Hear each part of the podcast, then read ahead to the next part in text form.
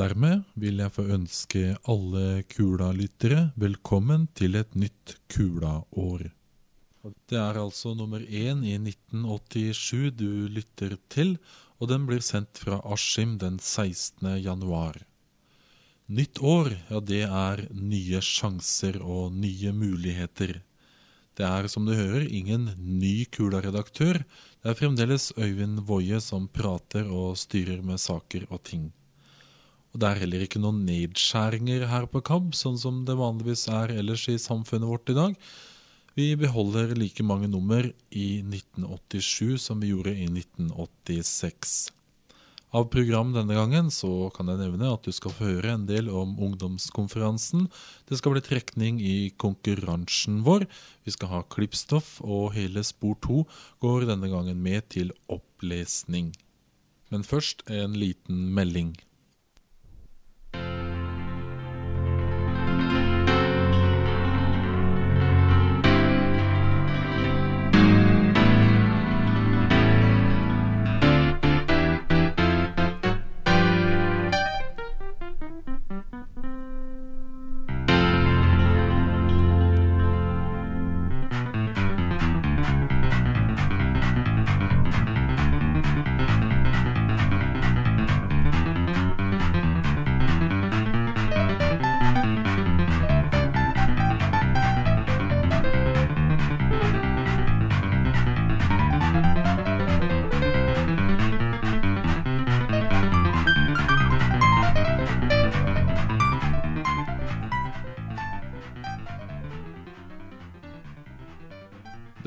Ikke noe spesielt å gjøre med pianoer, og ikke trommer heller. Og ikke jazz heller, faktisk. Og ikke med musikk heller i det hele tatt. Det har bare å gjøre med det at eh, Huseby, der har vi startet opp eh, en samtalegruppe igjen nå etter nyttår. Så de som er interessert i å være med, både de som går på Huseby og de som bor i Oslo for øvrig, de kan eh, si fra her på KAB, eller de kan møte opp på Huseby. Dette her det skjer hver onsdag klokka halv åtte. Vi skal ha et eh, opplegg framover våren, et bibelstudieopplegg, og en del eh, samtaler om andre ting. Så skal vi ut på en Viken utpå våren, og det kan jo ikke være dumt å ta med seg. Så du er i hvert fall hjertelig velkommen til eh, Huseby hver onsdag klokka halv åtte. Du kan ta med deg piano, eller du kan la være.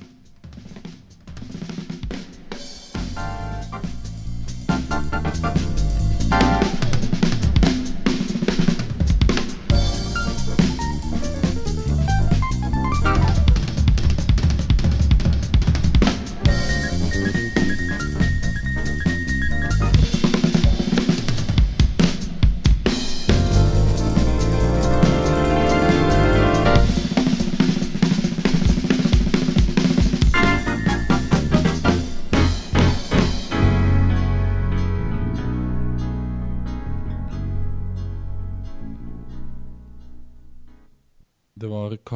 Heinsenius som spilte så iherdig på pianoet, og vi hørte en låt kalt Boogie Blues, som er hentet fra en LP-plate som heter Jazz on the Rock.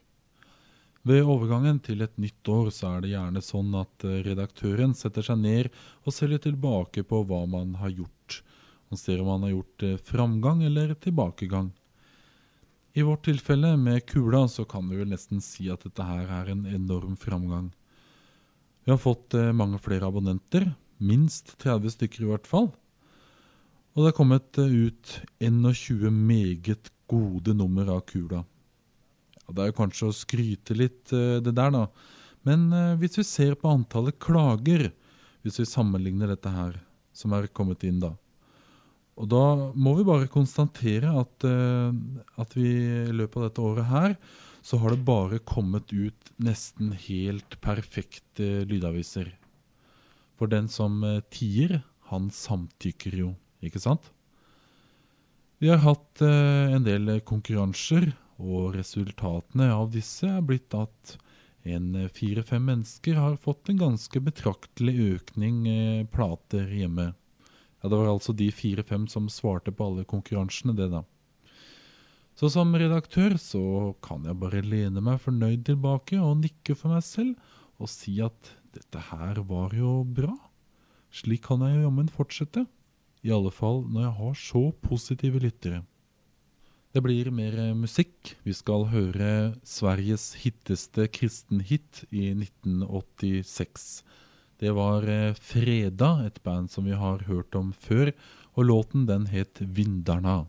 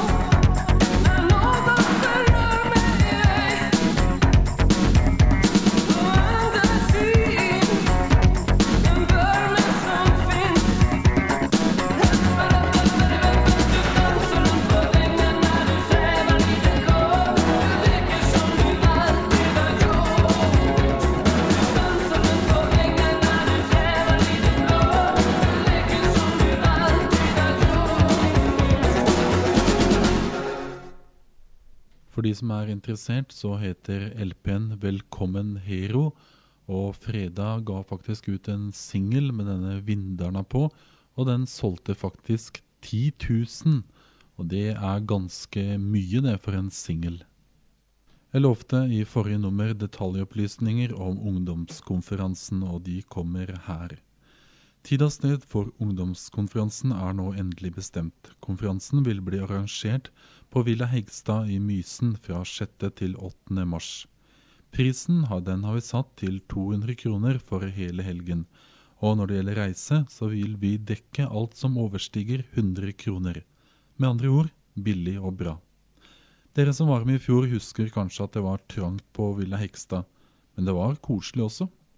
Ungdomsrådet og vi her på KAB, vi ønsker og håper at flest mulig kan og vil komme. For det er her det skjer. Hva da? Jo, det er her man kan si og mene noe om hvordan KABs ungdomsarbeid skal se ut framover. Her går det an å være med å bestemme, eller å si ifra at man ikke får være med å bestemme.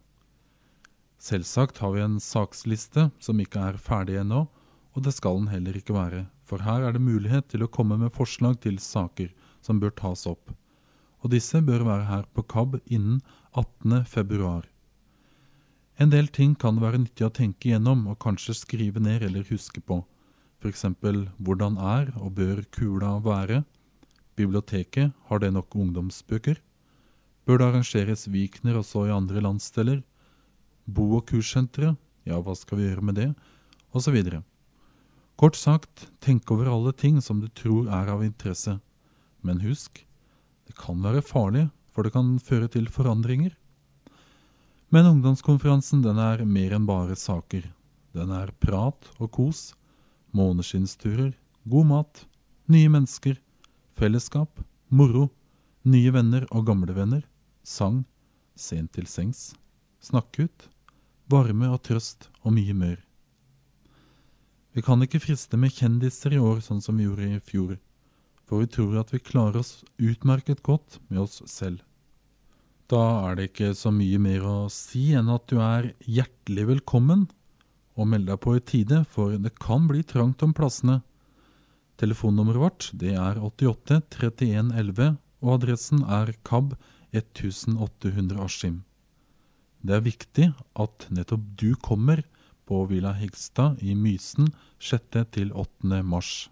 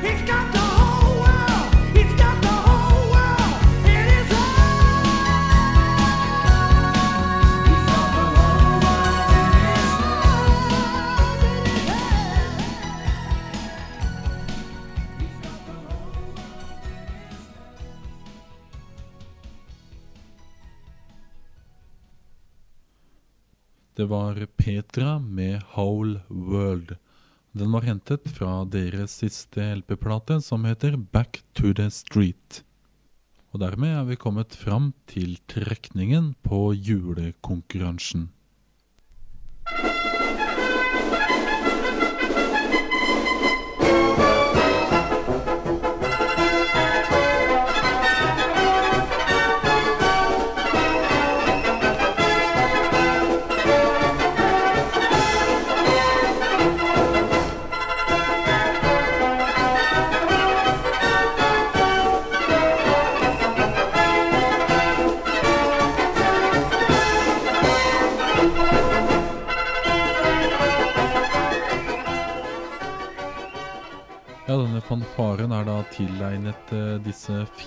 Som sendte inn svar.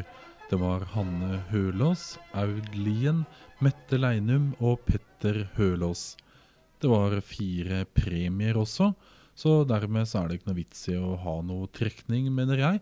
Men vi sender bare disse fire singlene til de fire som sendte inn riktig svar og klarte julerebussen.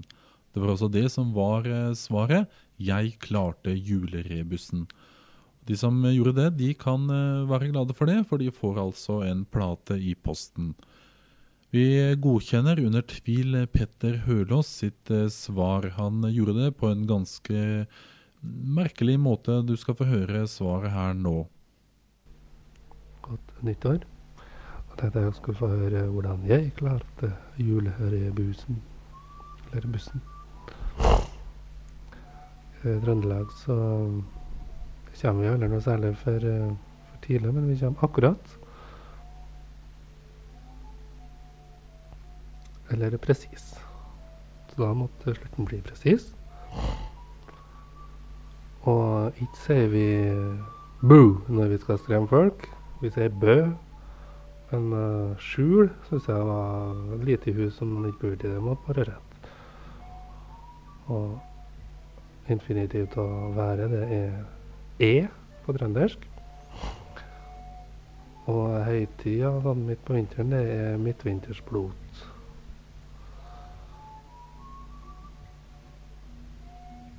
Og da måtte ordet bli midtvintersblot i skjul presis.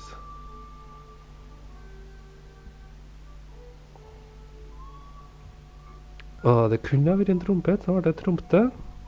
Og første to bokstavene i egg, det er æg. Og så ble det da M i midtvintersblod. Så M sa meg, Tromte. midtvintersblod er skjul presis. Det skal bli akkurat rett. Nå har jeg ikke noen platespiller, så noen singel, det, det vil ikke jeg ha. Jeg kunne godt tenke meg ja, noen meter med kassett, da. Med bånd. To et eller annet. Men 15 meter ca. Ha det bra. Både singel og 15 meter bånd kommer til deg, Petter. Tusen takk skal du ha for eh, det gode svaret du ga på konkurransen. Det er eh, godkjent i aller høyeste grad. Takk til dere som svarte. Plater kommer i posten.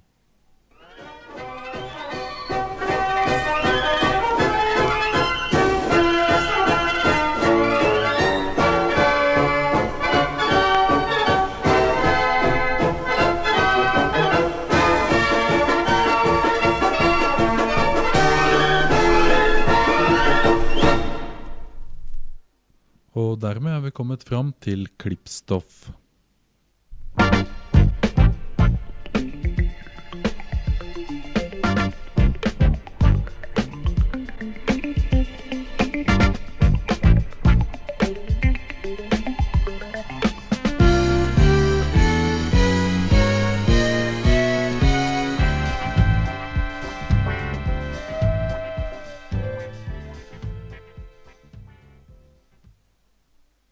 Klippstoff denne gangen er lest inn med skillesignaler for hurtigspoling.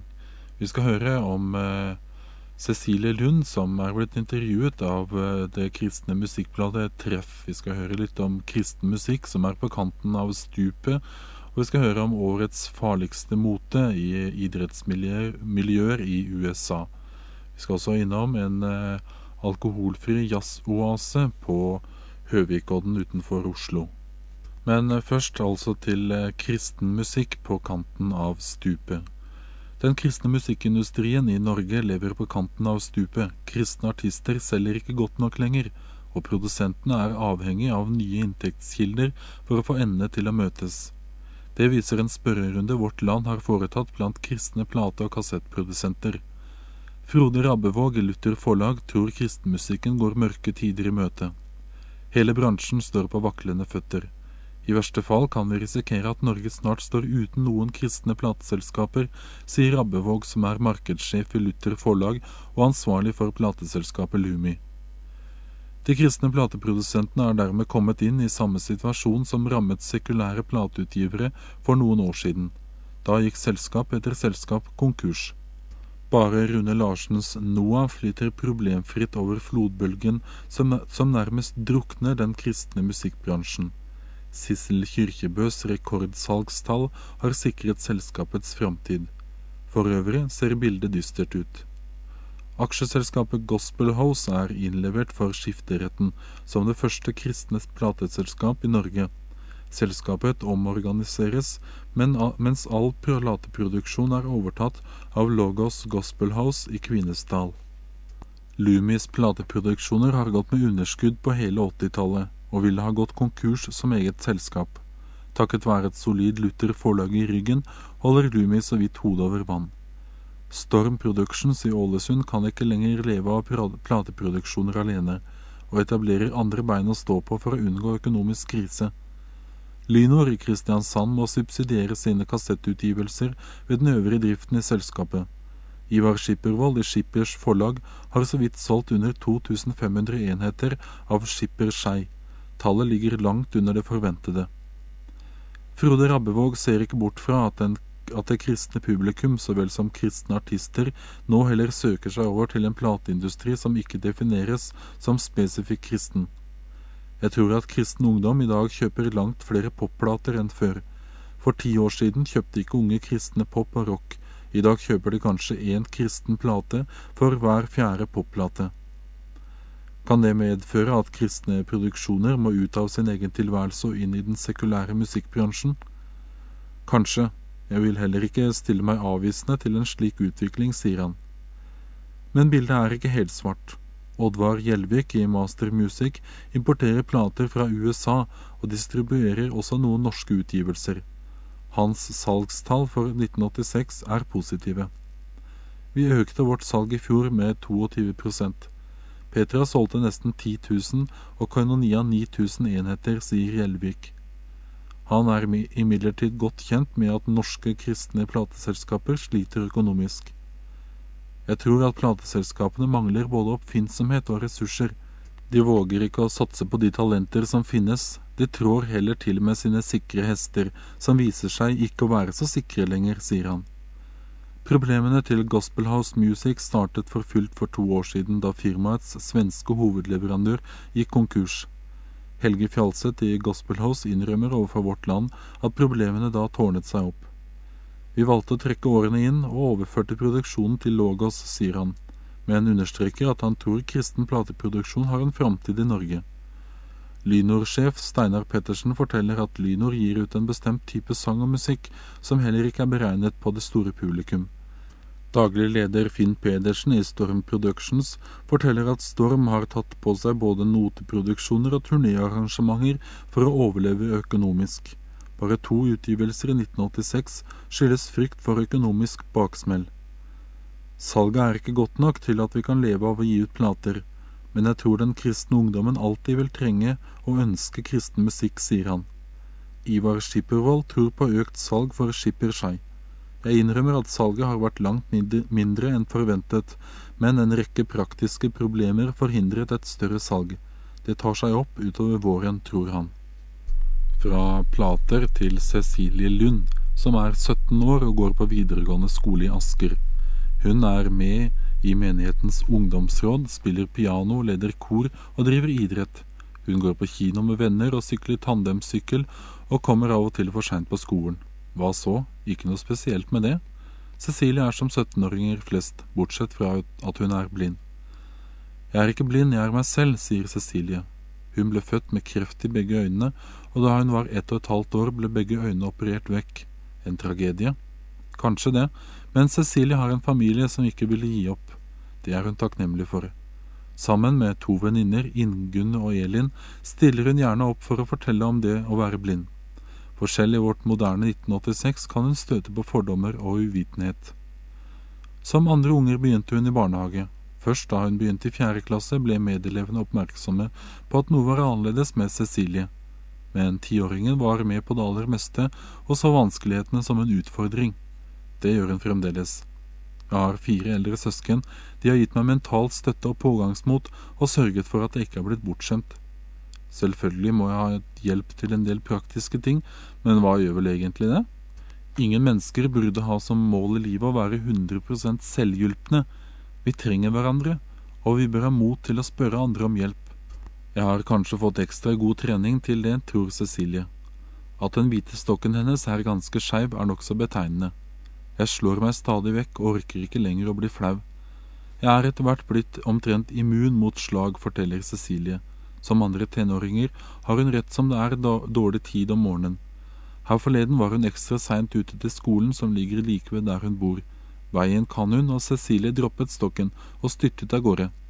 En bil sto parkert på et sted det aldri pleier å stå biler, og Cecilie braste rett inn i den, til stor bestyrtelse for sjåføren. Noen blåmerker ekstra, ellers gikk det bra.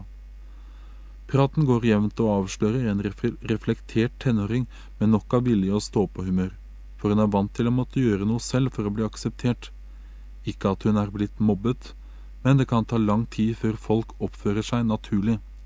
Folk ser at jeg er blind før de ser meg, hvem jeg er. Det er nok fremdeles mange barrierer å bryte ned mellom blinde og seende. Jeg prøver å være utadvendt, men det kan være vanskelig.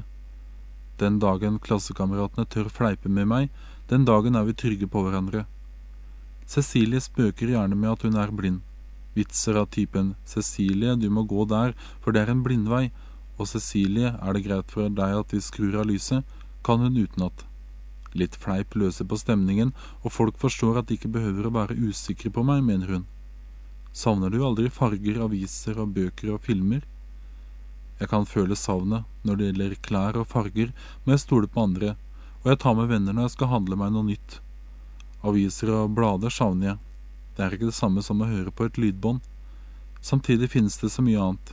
Jeg er forresten med vennene mine på kino. De forteller hva som skjer.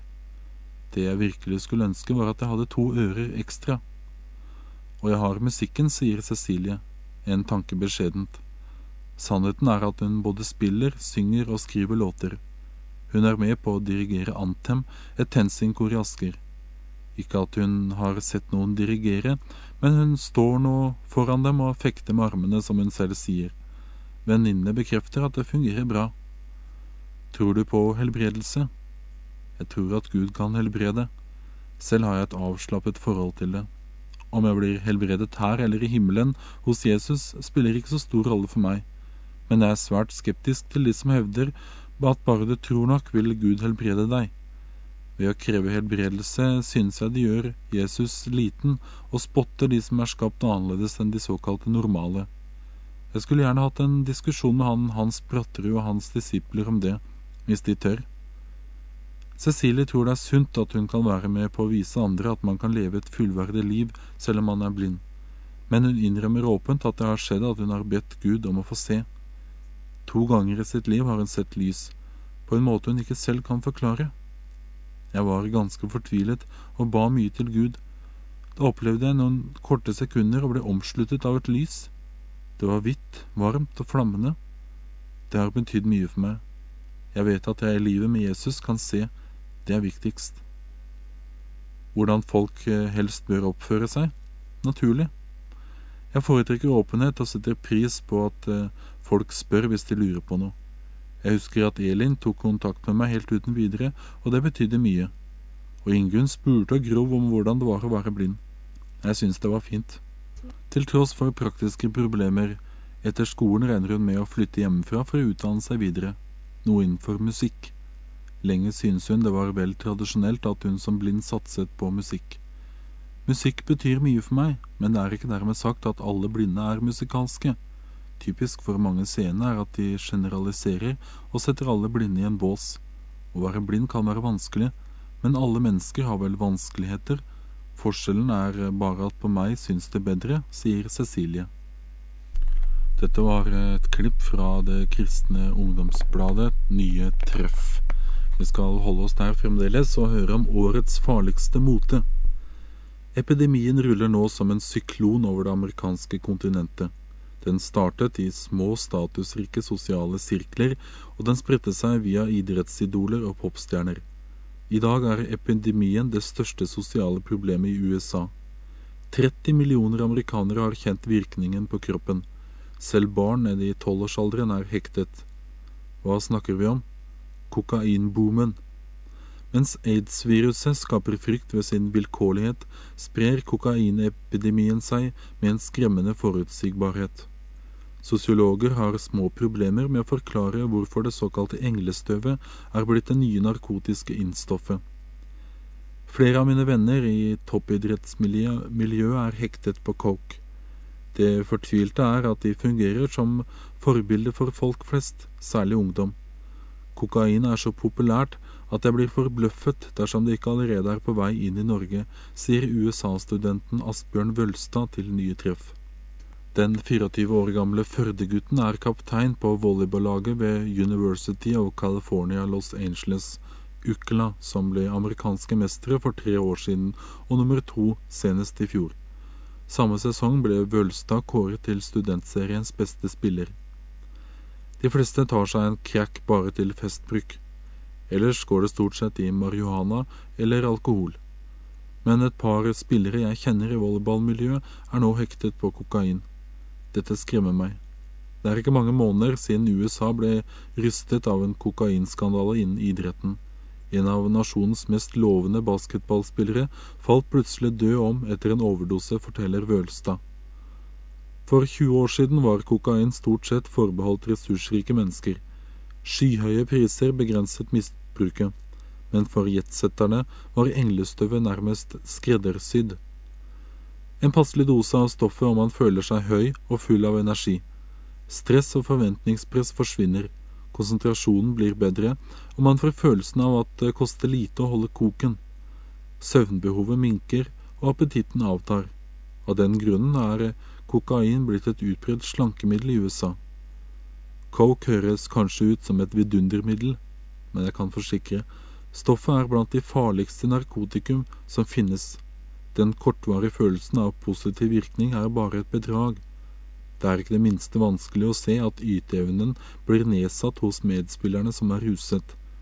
De ødelegger også for oss andre, og det irriterer grenseløst, forteller UKLA-kaptein Vølstad.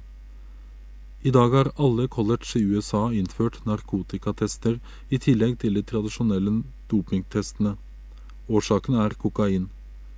Det tidligere overklassestoffet er nå sunket drastisk i pris, og den billigste varianten, crack, er blitt den store slageren blant de harde narkotiske stoffene.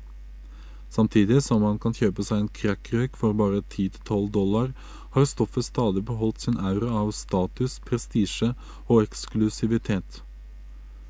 At stoffet er på mote innen idrett, er vel også med på å gi det status? Ja, dessverre. Rusgiftmisbruk er nok like vanlig blant idrettsfolk som ellers i befolkningen. Jeg ser derfor ingen grunn til at folk skal ta idrettsstjerner til forbilder for sin egen livsstil. Men fordi det er et faktum at folk flest likevel gjør det, forsøker iallfall jeg å innrette meg deretter. Og selv om jeg misliker å få autoritet og opptre som synser fordi jeg er toppidrettsutøver, velger jeg likevel å bruke de mulighetene det gir meg. Dersom jeg trekker meg unna, tar andre over. Jeg sier derfor så sterkt jeg kan. Vær på vakt, så kokain ikke blir 87-moten også i Norge. En alkoholfri oase i en tørketid for den levende musikken. Det er Høvikodden alkoholfrie jazzkafé. Her trives Norges fremste jazzmusikere. Denne klubben har Norges beste publikum, er dommen fra flere av musikerne som har opptrådt her. Publikumskonsentrasjonen på andre jazzklubber er ikke alltid like god etter tre-fire halvlitere, sier Terje Rypdal. Hans konsert i november satte publikumsrekord på Høvikodden. 250 mennesker presset seg inn i det lille lokalet, og ble blåst enda tettere sammen av Rypdal-trioens kvalitetsnivå og lydnivå. For Terje Rypdal serverer ikke bare lyrisk jazz, i dag spiller han også rockbasert musikk som rister i marg og bein. Høvikodden alkoholfrie jazzkafé er nå i gang med sin femte konsertsesong. Styremedlemmene for jazzkafeen har alle sin bakgrunn fra ungdomsarbeidet i Asker og Bærum-menighetene. Konsertene får hvert år 60 000 kroner i økonomisk støtte fra Bærum kommunes kulturavdeling og edruskapsnemnd. Arrangørene kan derfor holde en gjennomsnittlig billettpris på ca 40 kroner på de åtte årlige konsertene. Musikerne ber om å få komme tilbake hit, sier Sigbjørn Tveite, en av initiativtakerne. Vi inviterer bare toppmusikere, understreker han, ikke uten en viss stolthet. Blant de utvalgte er Jon Ebersen Group, Frode Tingnes Kvintett, Arild Andersen med Mascualero, Susanne Fur Cutting Edge, Paul Towson og Hot Club de Norvège. Mange av disse har opptrådt her flere ganger, forteller Tveite. Han glemmer ikke den gangen han hørte Ebersen spille for 16 halvfulle mennesker på en jazzklubb i Oslo. Det har blitt trangere tider for den levende musikken etter at Klubb 7 og Malla ble nedlagt, mener han. I vår kan jazzkafeen tilby navn som Silje Nergård, Jan Eggum, Nye etc. og Jon Balke. Og dere vil fylle tomrommet? Vi er jo ekstra heldige stilt, for de de Bærum kommune støtter oss så helhjertet. Nå planlegges det et musikk- og kulturhus i Sandvika sentrum. Dette skal stå ferdig oppusset høsten 87, og da vil den alkoholfrie jazzkafeen flytte inn i enda bedre lokaler. Da regner vi med å kunne invitere internasjonale kapasiteter i samarbeid med klubben Emma Jazz, opplyser Sigbjørn Tveite. Men inntil videre lever jazzmiljøet i beste velgående på Høvikodden med billige billetter, god musikk og klirrende brusglass. Så skal vi over til eh, Vårt Land, og vi skal høre om eh, at ungdom ikke er noen overklasse. Dessertgenerasjonen lever egentlig på slankekur. Det er en myte at de unge er velstående. Ungdommen går ikke framtiden lyst i møte i kostbare boblejakker med puter under armene, sier sosiologen Ivar Førnes ved Universitetet i Oslo.